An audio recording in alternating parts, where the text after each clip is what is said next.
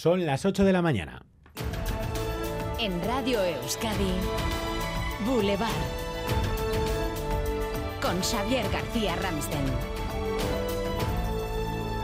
Egunon es martes 31 de octubre, noche de Halloween y para evitar sustos y un terror no deseado, la unidad de juegos y espectáculos de la Archancha está desarrollando desde ayer un dispositivo especial de inspección y control en todas las discotecas, grandes discotecas de Euskadi. Sonia Hernando, hemos visitado una de esas inspecciones, Egunon. Sí, Egunon, la de la discoteca Nacala de Gasteiz, donde su responsable reconocía que estas inspecciones les ayudan a mejorar la seguridad.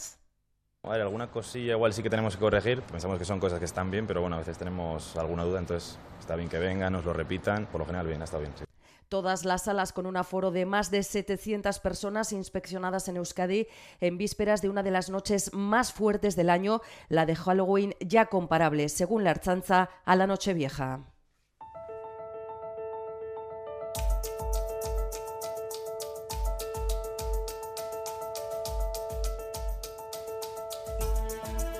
Dentro de media hora recibimos al director general del EVE, el ente vasco de la energía Íñigo Ansola, con quien vamos a analizar las declaraciones que ayer nos hizo aquí en Boulevard, en Radio Euskadi, el presidente de Petronor y consejero de Repsol. Emiliano López Achurra ha concretado cuáles son las inversiones que peligran por el impuesto especial a las energéticas, el proyecto de hidrógeno verde en la refinería de Musquis y su planta de combustibles sintéticos. Anuncio, advertencia o amenaza a la que han respondido ya el gobierno vasco Arancha Tapia, consejera de Desarrollo Económico, y Unai Sordo, secretario general de Comisiones Obreras. Si no hay un marco regulatorio estable y previsible, adecuado a otros marcos regulatorios europeo, las inversiones tienen que estar en stand-by. comprendo sus, sus palabras. Otro tema relevante es que, desde luego, probablemente nos va a afectar. No son una buena noticia. A mí me parece bastante obsceno. Yo creo que estas amenazas son amenazas en falso ninguna empresa va a desinvertir en España simple y llanamente porque se mantenga un impuesto que tiene una afectación muy limitada sobre sus beneficios. Carlas Puigdemont ya tiene la imagen que buscaba y que simbólicamente abre la puerta a la investidura de Pedro Sánchez. En reunión ayer en Bruselas entre el expresidente catalán y el secretario de organización del PSOE, Santos Cerdán. Las negociaciones avanzan y ya se empieza a poner fecha a la investidura. Desearíamos que fuera eh, lo antes eh, posible, pero tenemos la certeza que de ser, ha de ser antes del próximo 27 de noviembre. Algunos medios la sitúan incluso la semana que viene. Veremos si hoy hay novedades, aunque hoy en Madrid todo lo eclipsa el acto, el protagonismo de la princesa de Asturias. Leonor jura hoy la Constitución en un acto en las Cortes Generales con ausencia de todos los partidos nacionalistas. Aseguran estos partidos que este acto es una forma de legitimar un modelo que la ciudadanía no ha elegido.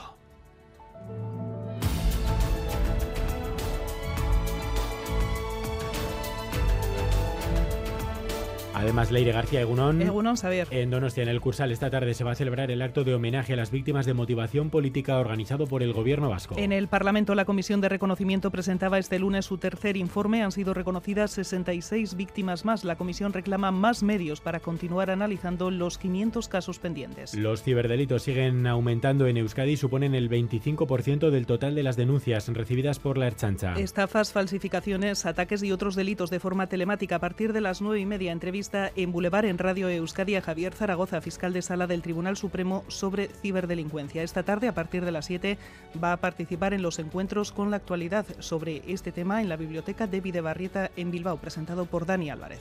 El gobierno de Estados Unidos ha rechazado esta madrugada un alto el fuego en la franja de Gaza. Según los datos de Naciones Unidas, son 10 los hospitales que aún permanecen abiertos en Gaza, pero han recibido diferentes órdenes de evacuación en los últimos días. Al menos una veintena de personas han fallecido en las últimas horas como consecuencia de los últimos bombardeos. La inflación se ha frenado durante el mes de octubre principalmente por la bajada de los precios de los combustibles. Más de un 6% ha bajado la gasolina y los alimentos, según los datos del INE, sí han subido, pero menos que hace un año. En las últimas semanas ha aumentado el precio de la electricidad.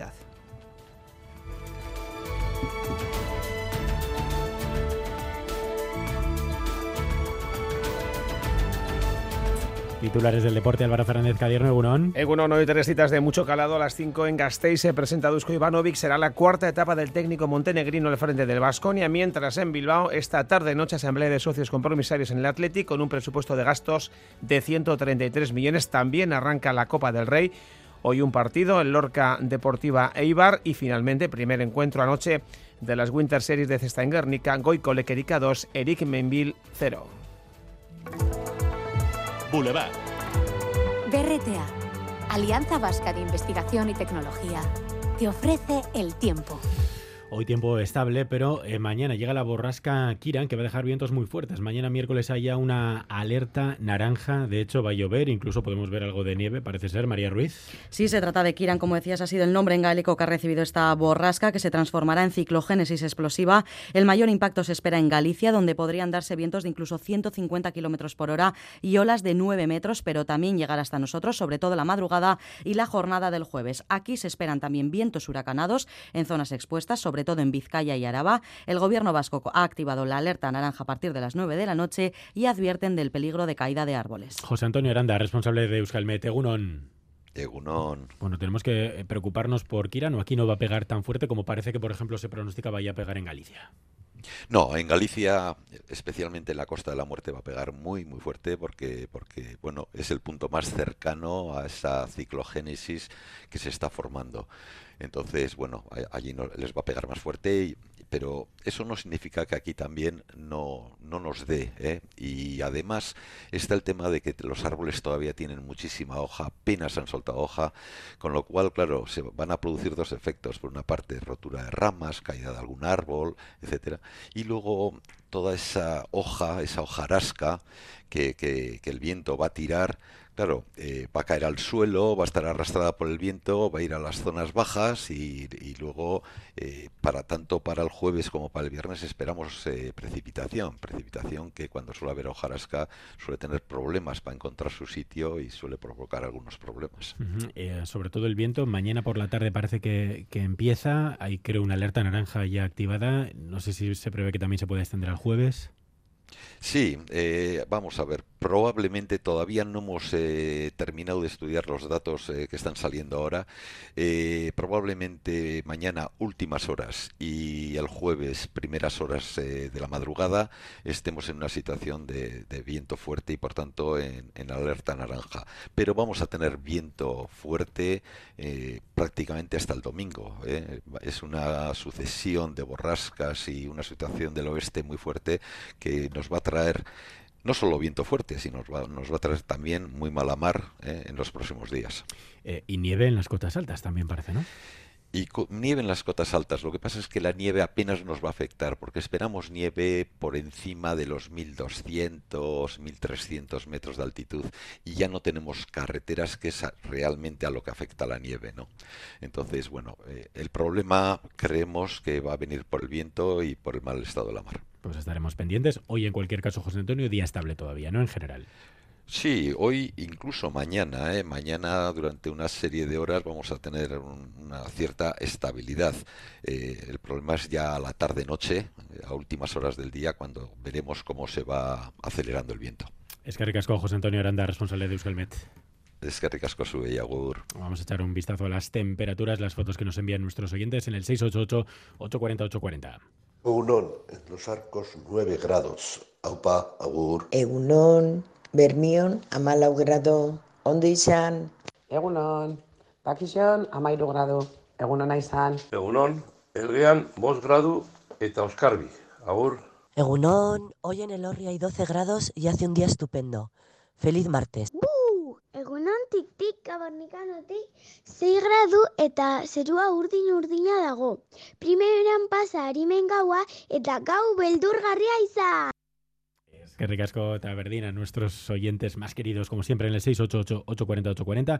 Más temperaturas, 13 grados tenemos en Donostia, 12 en Bayona, 11 en Bilbao, 8 en Vitoria-Gasteiz, 6 en Iruña.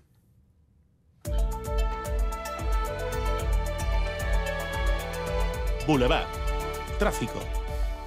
Y además, María, tenemos algún problema en las carreteras. Sí, precaución en Andoain, en la Nacional 1, sentido Donostia. Informan desde el Departamento de Seguridad de que se ha producido una colisión múltiple en este punto.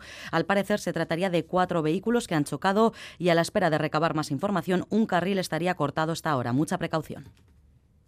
Pequeñas y medianas empresas, ¿sabéis que podéis innovar en vuestros productos y procesos y que para ello tenéis a vuestra disposición 17 centros de BRTA? Porque innovar es cuestión de carácter, no de tamaño. BRTA, Alianza Vasca de Investigación y Tecnología. Gobierno Vasco, Euskadi, Bien Común. Recupera los contenidos de Radio Euskadi en la web eitv.eus y en la app EITV Nayeran.